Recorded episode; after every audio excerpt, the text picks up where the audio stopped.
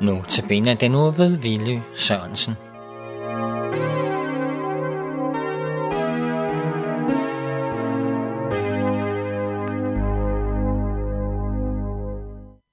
Velkommen igen. Når vi skal gå videre med, hvad Gud ikke kan, fordi han selv har bestemt, at der er noget, han ikke vil. Så er vi kommet til i aften og skal høre om, at Gud kan ikke lyve.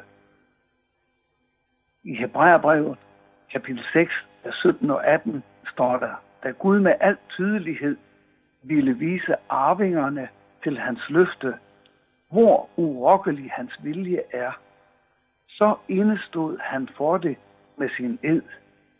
Dermed skulle vi i disse to urokkelige kendskærninger, som udelukker, at Gud lyver, have en sikker trøst. Vi, som tager vores tilflugt til at gribe det håb, der ligger foran os. Det håb er som et urokkeligt anker på sjælen. Det er urokkeligt og sikkert og rækker ind bag forhænget, hvor Jesus gik ind som en forløber for os. I det han blev ypperste præst for evigt på Melchizedeks vis. Gud kan ikke lyve. Der er noget i den her verden, der står fast. Vi oplever ellers så mange falske nyheder, og vi oplever, at nogen direkte arbejder på at bedrage og føre andre mennesker bag lyset. Og der er mange, der bliver snydt undervejs.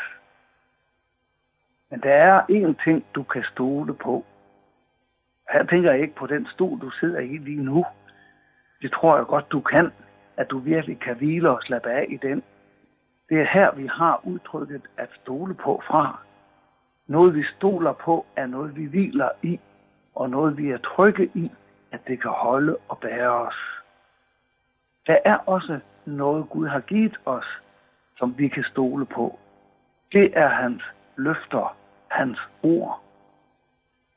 Han vil ikke narre os. Han siger det allerede til Samuel i 1. Samuels bog, kapitel 1, vers 29. Han, som er Israels herlighed, lyver ikke og angrer ikke. Han er ikke et menneske, så han angrer. Hvor er det egentlig trygt at vide, at om så alting omkring os, det forandrer sig og går sin undergang i møde, så er der noget, som står urokkeligt fast. Det er Guds løfter. Dem kan du regne med. Og det kan du både de dage, hvor du har det godt og trygt, og de dage, hvor du måske er ramt af sygdom, de dage, hvor du er ramt af mismod, så er det godt at tage Guds ord frem for dig. Og vide det, at de løfter, de gælder, og de gælder stadig. Han har givet os dem, for at vi her i en foranderlig verden skal vide, at der er noget, der står fast. Jesus er på en måde Guds ja og amen til alle de løfter, han har givet undervejs i Gamle Testamente. Han er en understregning af, at Gud formår at føre sine løfter ud i livet, og at han formår at holde fast i, at han ikke vil svigte os og ikke vil slippe os.